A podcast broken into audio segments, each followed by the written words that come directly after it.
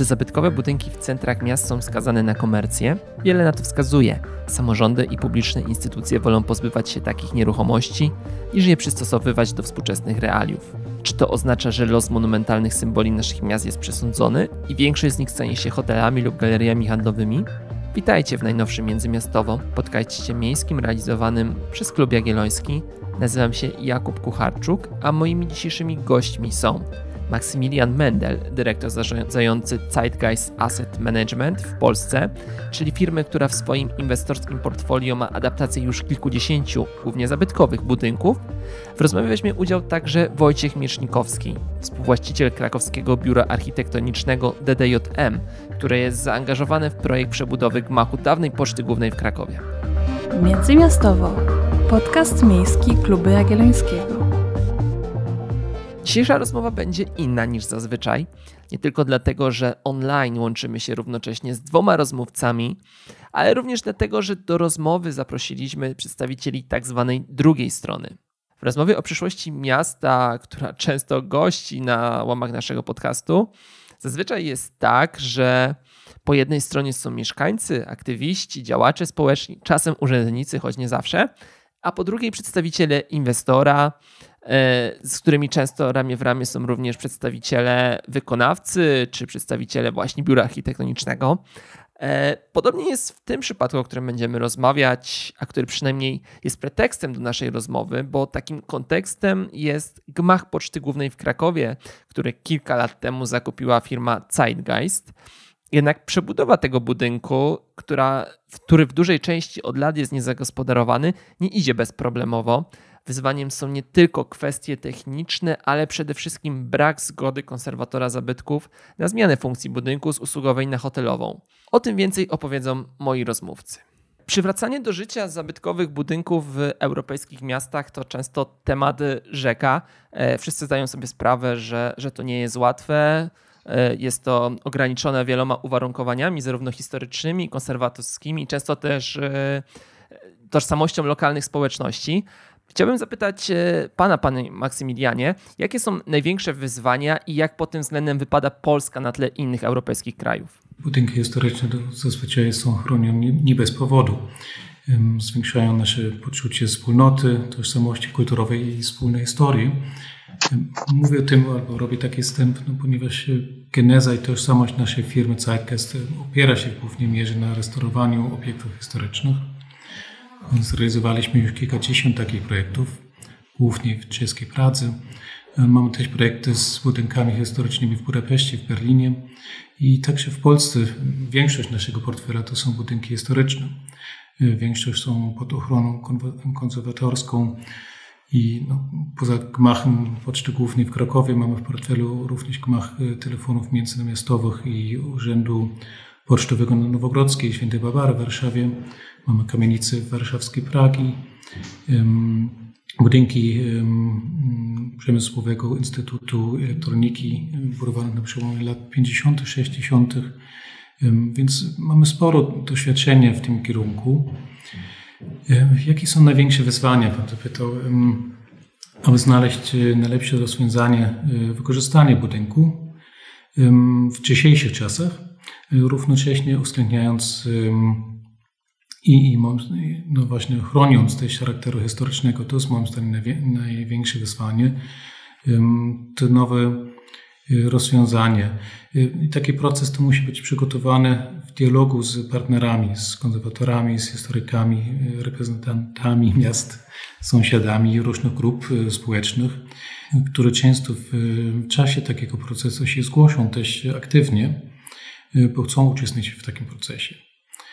Więc y, z jednej strony ta nowa funkcja tych budynków, jak no często musimy, musimy sprawdzić, czy ta poprzednia funkcja no da, się, da się dalej utrzymać, czy trzeba znaleźć inne rozwiązanie nowe. Równo, równolegle właśnie mieć pod względem tej historii budynku i chroniąc ten charakter. Jeśli chodzi o funkcję, to większość naszych projektów w budynkach historycznych, to akurat w naszym portfelu mamy mieszkanie na wynajem najczęściej, które obsługujemy samodzielnie. Mamy też projekty tak zwanego mixed use'u, tak jak nasz flagowy projekt Pałac Dunaj w sercu Pradze, w strefie UNESCO. Tam są różne funkcje od mieszkaniowej, hotelowej, usługowej i no, najbardziej prestiżową siedzibą Parlamentu Europejskiego oraz Komisji Europejskiej. I no, dzięki temu otworzymy otwarty, też prestiżowy charakter te, tego budynku. Ale tak ugólniając, to no, patrzymy w każdym projekcie na geniusz ludzi, na, na specyfikę miejsca. Radzimy się obronistów, architektów, zamawiamy ekspertyzy. Patrzymy też na techniczne uwarunkowanie budynku, na przewidywane kierunki rozwoju miasta przez urbanistów, przez e, miasta, na miejscowe plany zagospodarowania przestrzennego. No i oczywiście wracam do tego, zapraszamy, zawsze do dialogu historyków. Przykładowo gmach Poczty Głównej w Krakowie był częścią programu Dni Dziedzictwa, e, podczas której powstał moim zdaniem świetny film o historii budynku i jego walory. I pan jeśli zapyta, jak wypada Polska na tle innych krajów, to Polska nie ma się czego wstydzić. W kraju są bardzo dobrzy specjaliści w zakresie rewitalizacji budynków y, zabytkowych, ale według mnie w Polsce długo nie było inwestorów, którzy chcieli mieć, którzy, którzy mieli chęć inwestowania w trudnych budynkach historycznych, bo to jednak są często trudne procesy, to są często budynki w samych centrach miast i nie było kapitału w dużej mierze, które chciało inwestować w takich budynkach. Też e, pod tym względem, jak, jak było równoległe, jest sporo takich działek na obrzeżach e, miast pustych, na którym można było dużo łatwiej jako inwestor zainwestować. W tym miejscu też właśnie podkreślić, że my jako Cajkes mamy solidne zaplecze finansowe z długoterminowym horyzontem, to moim zdaniem bardzo ważne, więc e, możemy sobie pozwolić na to, żeby wszystko bardzo solidnie przygotować. Stawiamy na wysoką jakość, nie czasu i środków na badania, żeby w końcu otworzyć oryginalną warstwę historycznych budynków. I to jest jedna z podstaw, to stanowi wartości dodane tych projektów naszej firmy Zeitgeist. Wspomniał Pan o tym krakowskim budynku Poczty Głównej. Wiemy, że tamten proces, też Pan o tym wspominał, e, trwa już kilka lat. Proces e, jakby przywracania do życia tego budynku, który w tym momencie w większości jest e, opuszczony, niezagospodarowany. Co jest najtrudniejszego w takim procesie, wieloletnim procesie, procesie inwestycyjnym takiego budynku, który ma trafić do generalnego remontu, jak w przypadku właśnie tej poczty głównej, bo tam przecież ten budynek był zaniedbany od lat, niektóre jego piętra po kolei były opuszczane przez poprzedniego użytkownika, e, przez pocztę i przez też e, telekomunikację polską, później Orange. E, jakie tam są ograniczenia, tylko może prawne, ale też ograniczenia technologiczne czy techniczne, ale też jak to wygląda pod względem odbioru tej inwestycji, takiego procesu przez lokalną społeczność? Powiem tak, to są względy z jednej strony techniczne, z drugiej strony uwarunkowania prawne, ograniczenia który nam daje z jednej strony planystyka miasta i z drugiej strony też ograniczenia względem ochrony e, zabytków. To wszystko jest to zarządzanie, tak? To my najpierw sprawdzamy wszystkie te, te różne uwarunkowania, popatrzymy na to, w jakim kierunku chcemy, chcemy pójść, a potem, potem spróbujemy właśnie projekt e, otworzyć i uzgadniać się z, w dialogu ze wszystkimi E, stronami, tu w naszym przypadku konserwator zabytków, e, też miasto. No, tu jest plan zagospodarowania przestrzennego, więc o tyle trochę, trochę łatwiej, bo są główne warunki podane. Tak? Procedury często bywają tak no, skomplikowane jednak w szczegółach i musimy tam odpowiadać różnym stronom w procesie na, na różne pytania. No, my chcemy, my bardzo stawiamy na ten dialog, tak, żeby, żeby z jednej strony wszyscy ci, którzy podejmują decyzje w kierunku naszego budynku, jak my aplikujemy różne sprawy, żeby byli też zadowoleni i żeby byli też częścią tego procesu.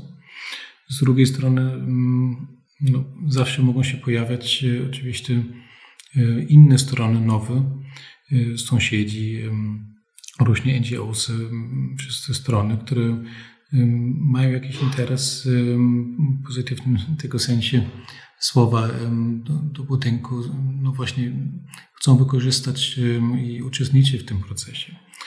Więc to są rzeczy, no tak jak mówiłem na początku, tym, którym zarządzamy, którym w mniejszym stopniu e, jesteśmy w stanie wszystko zarządzić od początku. To są oczywiście względy techniczne.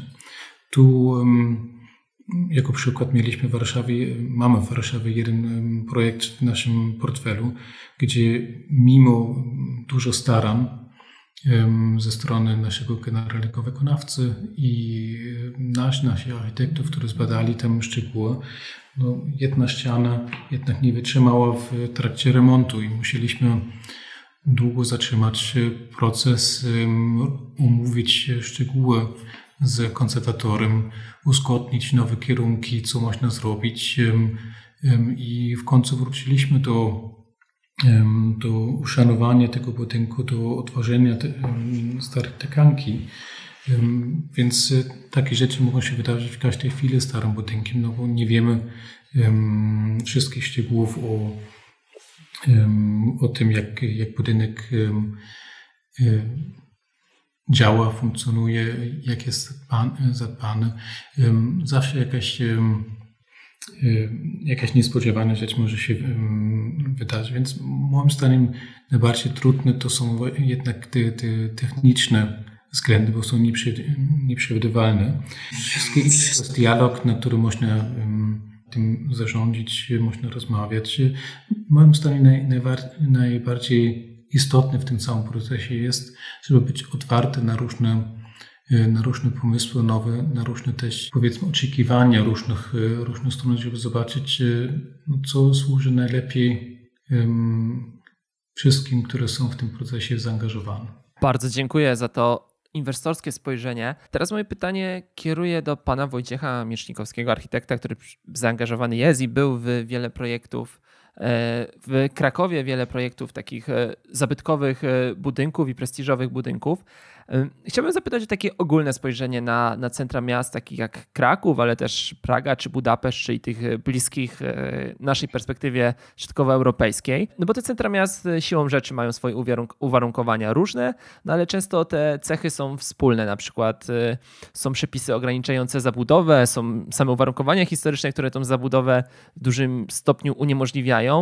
Są takie przepisy, jak, które ograniczają budowę miejsc parkingowych albo uwarunkowania, które po prostu ograniczają budowę tych miejsc parkingowych, ale często takie miasta mają również świetne skomunikowanie i wiele europejskich e, miast e, jest przykładami, że, że wiele osób chce mieszkać e, w takich śródmiejskich dzielnicach, mimo tych oczywistych, wcześniej wspomnianych przeze mnie wad. Ale jak to się jednak dzieje, że w większość inwestycji w centrach miast takich właśnie jak Kraków jest jednak stricte handlowa lub hotelowa? I czy tworzenie hoteli w takich zabytkowych budynkach, zabytkowej tkance miasta jest po prostu łatwiejsze?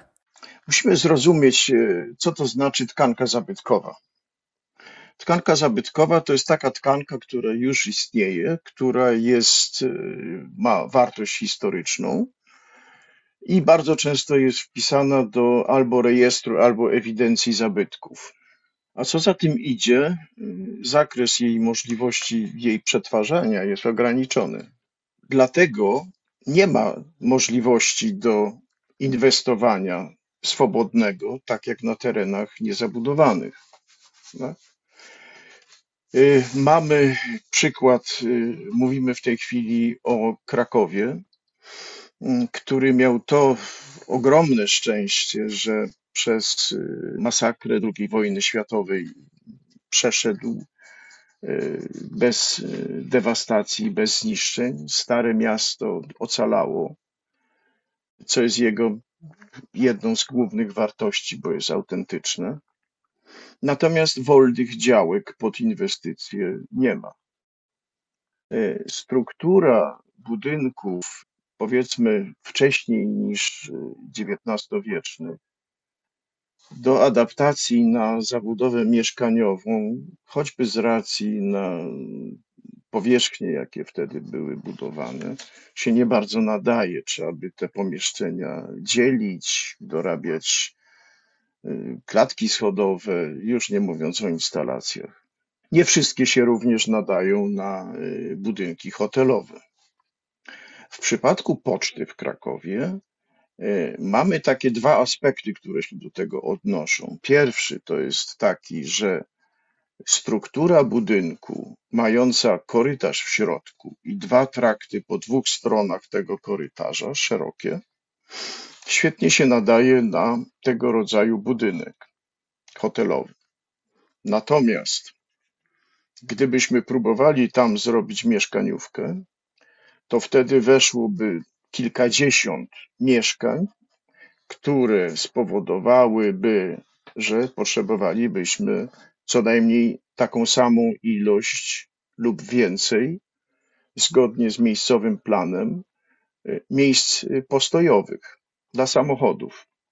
Natomiast dla hotelu o tej powierzchni, tej wielkości wystarczy ich raptem dziewięć i tyle mamy. Budynek jest bardzo specyficznie zlokalizowany. Zdecydowanie można go uznać za lokalną dominantę. Stoi na rogu, jego forma jest podkreślona przez narożną wieżę, można by to nazwać. Naprzeciwko plant jest świetnie widoczny od strony Starego Miasta, w związku z czym jest na pewno budynkiem eksponowanym.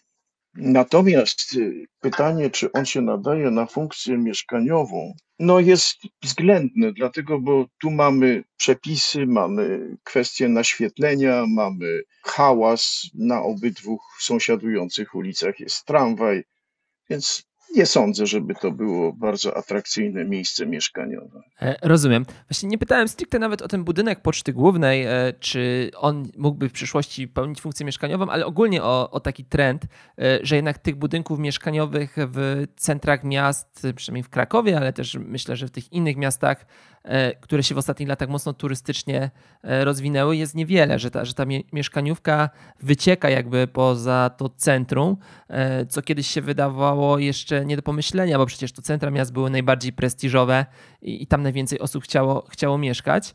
E, wspomniał Pan chyba o jednej bardzo ważnej rzeczy, czyli o tych przepisach prawnych regulujących, że każda inwestycja mieszkaniowa musi mieć e, wymóg minimalnej liczby miejsc parkingowych i, i często to jest nie do spełnienia.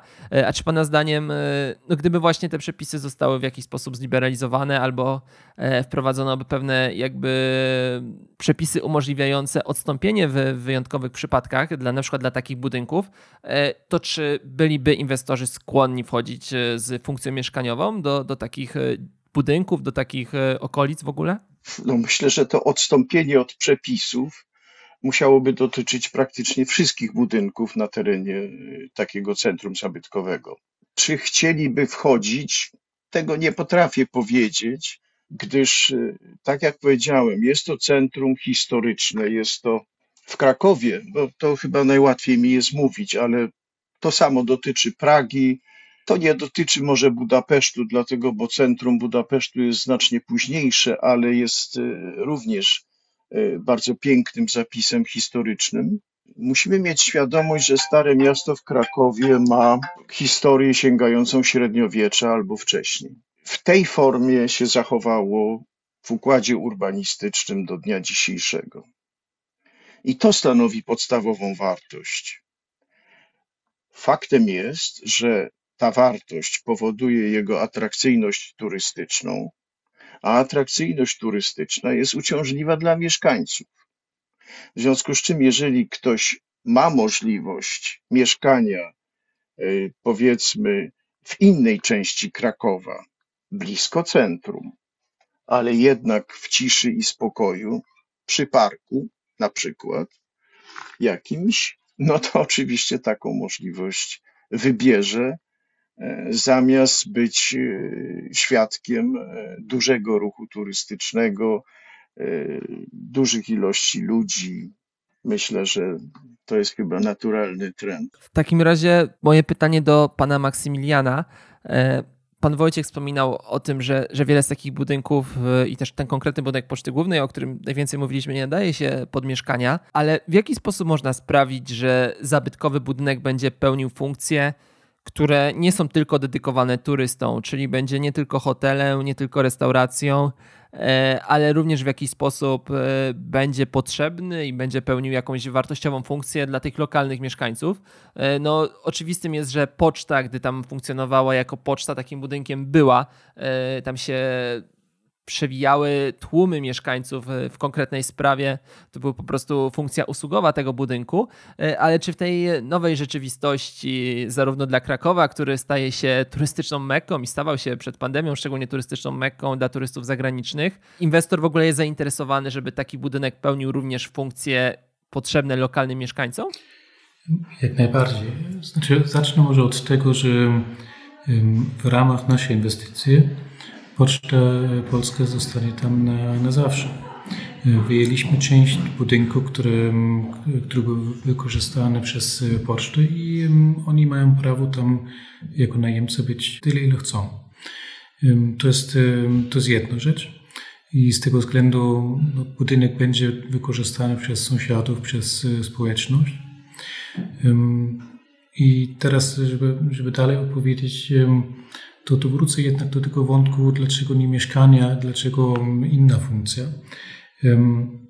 My mamy w naszym portfelu sporo takich projektów e, też w Warszawie, w całym centrum miasta, gdzie planujemy mieszkania. Inwestowanie w mieszkania w samym centrum to nie jest trend e, ogólny wszystkich deweloperów i inwestorów. E, my mamy trochę inne wizje. Chcemy, żeby, żeby miasta też odżyły, żeby było życie z powrotem w stare tykanki miejskie i mieszkania są, stanowią bardzo istotną częścią tego. W Warszawie w budynku też było poczty, telekomunikacji. No, mamy dwa budynki mieszkaniowe, które w tym momencie odrestaurowujemy. I to na końcu 23, na początku 24 roku będą do wykorzystania, będą na wynajem stawione na, na rynku. I mamy wielką nadzieję, że, że ta ta funkcja mieszkaniowa razem z innymi funkcjami będzie tam dobrze współdziałał. W Krakowie, w tym budynku, no to tak jak wspomniałem, mamy raz pocztą, który będzie otwarta, ale to mieszkanie, tak jak pan Wojciech też wspomniał, sam budynek nie bardzo się nadaje na funkcję mieszkaniową. Z tego względu, względu struktury budynku, rzutów poszczególnych pięter, y, spraw technicznych. To jest jedna rzecz. Druga są ograniczenia właśnie w planie miejscowego planu zagospodarowania przestrzennego. Tu, jeżeli byśmy abstrahowali od y, wymogów y, na miejsca postojowe, to dalej budynek by się nie nadawał na przynajmniej idealnie na, na mieszkanie, bo jego struktura no, nie, nie daje dobre rzuty mieszkania później, które byłyby dobre dla mieszkańców tego budynku. I tak szczerze mówiąc, gdyby to był mieszkaniowy budynek, to byłby bardziej ograniczony niż jak funkcje hotelowej dla innych użytkowników jak otworzymy go jako hotel, to otworzymy go też dla, dla grup, e, które nie na co dzień tam mieszkają, tylko które mogą uczestniczyć w każdej chwili. To są oczywiście z jednej strony goście hotelowi, turyści biznesowi, naukowi, to są z drugiej strony też ludzie, którzy korzystają z funkcji ogólnodostępnych. Tak? Na pewno e, chcemy wrócić do, do gastronomii. Też jak badaliśmy budynek i możliwości, to e, widzieliśmy, że pierwotnie na dachu budynku znajdował się taras. I chcemy wrócić do tego do, do, tego, do tej idei. I w naszym projekcie chcemy otworzyć ten, ten taras widokowy. Chcielibyśmy, żeby był otwarty dla mieszkańców, jak i dla gości hotelowych. Pięknie stamtąd widać planty, panoramę Starego Miasta. I no, takich miejsc rzeczywiście w Krakowie jest niewiele. Wspomniałem też o, tych, o tej gastronomii. To oczywiście też będzie, będzie otwarte dla, dla wszystkich i też miejsce, w którym planujemy tę gastronomię, to są miejsca Stare Poczty, w którym ludzie, którzy budynek znają z dawnych e, czasów, z dawnej funkcji, będą mogli zobaczyć, jak to dzisiaj wygląda. E, wydaje nam się, że funkcja hotelowa bardziej odwierzy, ten projekt niż, niż na przykład funkcja mieszkaniowa. I jeśli może jedną rzecz w ramach działalności hotelu, też mamy takie przykłady w innych miastach, też w innych projektach, na którym uczestniczymy. Oczywiście można też otworzyć razem z, z operatorem hotelowym, ale też razem z sąsiadami, z innymi grupami. Można otworzyć ten hotel na kulturę, na, na różne eventy, na kameralne koncerty, na konferencje, miejsce spotkań, jakieś integracje. Tam mogą też działa, działać organizacje mm, e, typu NGO artystyczne, non-profit. I tu jest wiele możliwości, o których można rozmawiać. I jesteśmy bardzo, bardzo otwarci w tym kierunku działać. W tym momencie poza pocztą to też jest ten klub spotkań, który już na miejscu działa i ludzie mogą zobaczyć, jak, jak wygląda budynek. Budynek żyje, jest i ma być otwarty dla ludzi. Bardzo dziękuję za tę odpowiedź. E, panie Wojciechu, teraz mam do, do Pana pytanie. E, chciałbym zapytać e, o trochę taki proces, o którym się coraz mocniej w Krakowie mówi, szczególnie w takim środowisku naukowym, czy też, czy też ze strony aktywistów, działaczy społecznych E, wielu wskazuje, że Kraków jest przykładem miasta, gdzie ta najbardziej zabytkowa jego część w ostatnich latach straciła e, to, to, widzimy na liczbach, że ta zabytkowa część miasta straciła znaczną część stałych mieszkańców.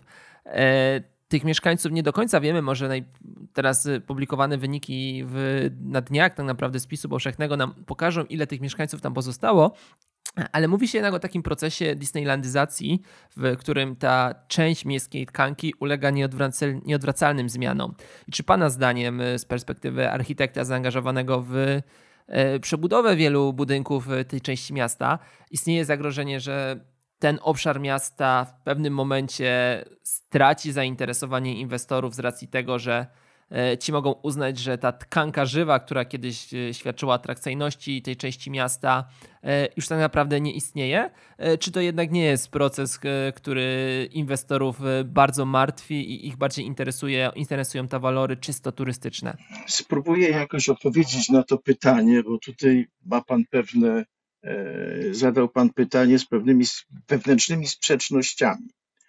Mianowicie inwestora interesuje takie miejsce, które przyniesie mu w przyszłości, w zależności od planowanej perspektywy czasowej, zysk. W związku z czym nie jest to specjalnie związane ani z tym, czy jest to dedykowane pod mieszkania, albo czy jest to dedykowane dla turystów. Tu już wkraczamy jak gdyby głębiej, gdyż tacy inwestorzy jak Zeitgeist którzy są zainteresowani jakością tego, co robią i zajmują się obiektami, śmiało można powiedzieć, wyjątkowymi, o wyjątkowej wartości, oni patrzą na to szeroko, a przede wszystkim w bardzo długiej perspektywie czasowej.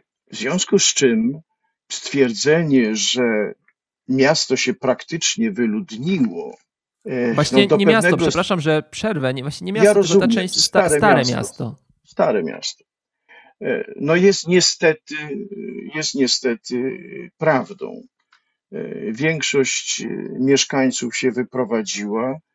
Ja, tak jak wspomniałem, wychowałem się na Starym Mieście na Floriańskiej. W tej chwili mieszkam w zupełnie innej dzielnicy w Zieleni i nie chciałbym mieszkać na Starym Mieście.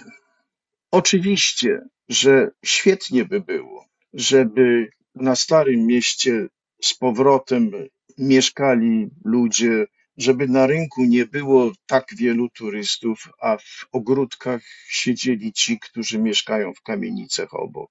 Ale to jest bardzo skomplikowany proces i to jest proces nie projektowy, tylko to jest proces ekonomiczny.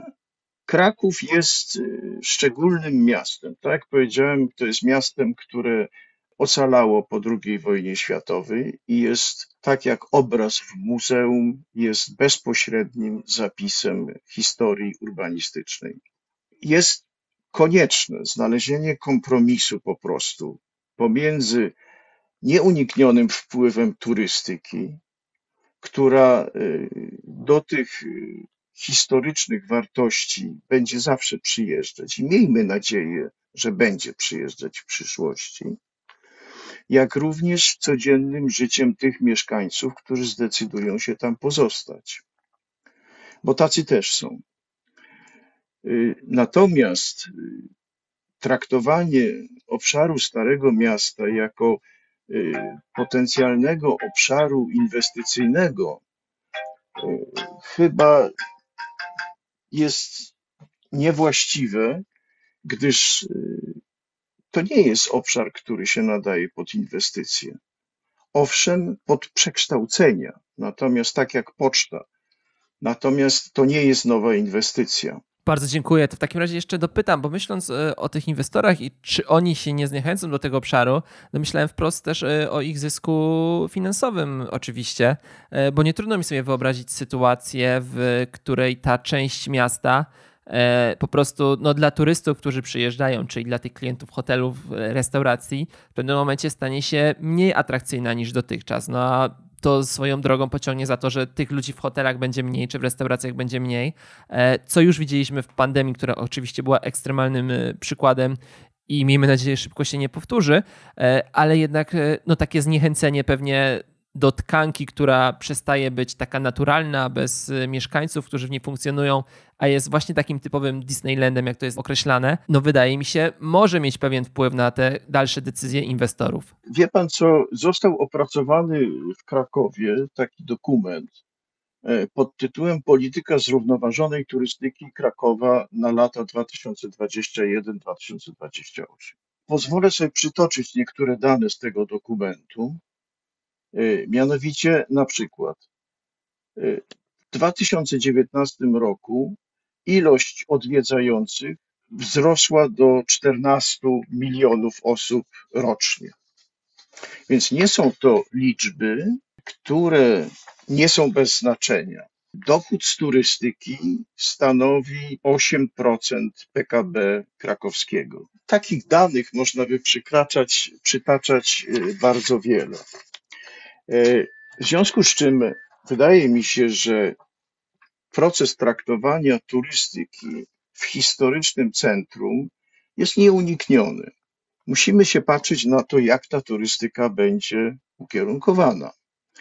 I jeżeli w tej chwili ludzie narzekają na turystykę jako uciążliwą, to dzieje się to między innymi dlatego, że mamy do czynienia z tanimi lokalami, z apart-hotelami, z przyjazdami na weekendy turystów, którzy nie są turystami z zamiłowania do historii, tylko przyjeżdżają po prostu się dobrze zabawić, co dla niektórych sąsiadów może być uciążliwe.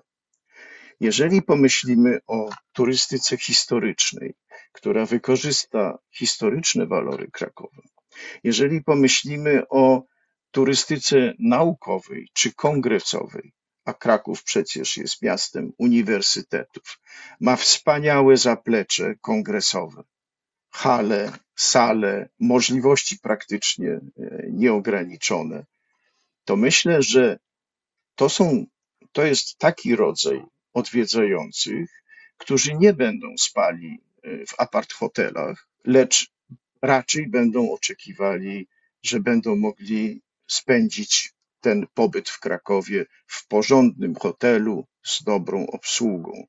I myślę, że to jest ten kierunek, y, o którym trzeba myśleć, gdyż oni prawdopodobnie nie będą zakłócali ciszy nocnej. Bardzo dziękuję za tą rozmowę. W dzisiejszym odcinku Międzymiastowo gościłem Maksymiliana Mendla, dyrektora zarządzającego Zeitgeist Asset Management w Polsce e, oraz Wojciecha Miecznikowskiego, współwłaściciela krakowskiego biura architektonicznego DDJM. Oczywiście zachęcam Was do subskrypcji międzymiastowo, do wspierania klubu Jagiellońskiego oraz oczywiście udostępniania naszego podcastu w mediach społecznościowych. Mam nadzieję do usłyszenia w kolejnych odcinkach. Międzymiastowo. Podcast miejski Klubu Jagiellońskiego. Produkcja naszego podcastu Międzymiastowo jest sfinansowana ze środków otrzymanych w ramach Programu Rozwoju Organizacji Obywatelskich na lata 2018-2030, których operatorem jest Narodowy Instytut Wolności Centrum Rozwoju Społeczeństwa Obywatelskiego. Pozyskany grant pozwala nam rozwijać nie tylko nasz podcast, ale i inne działania w tematyce miejskiej na portalu Klub Jagielloński. Zachęcamy do lektury, zachęcamy do słuchania podcastów oraz oczywiście do uczestniczenia w naszych seminariach. Więcej w naszych mediach społecznościowych. Jeżeli jesteście zainteresowani, piszcie do nas.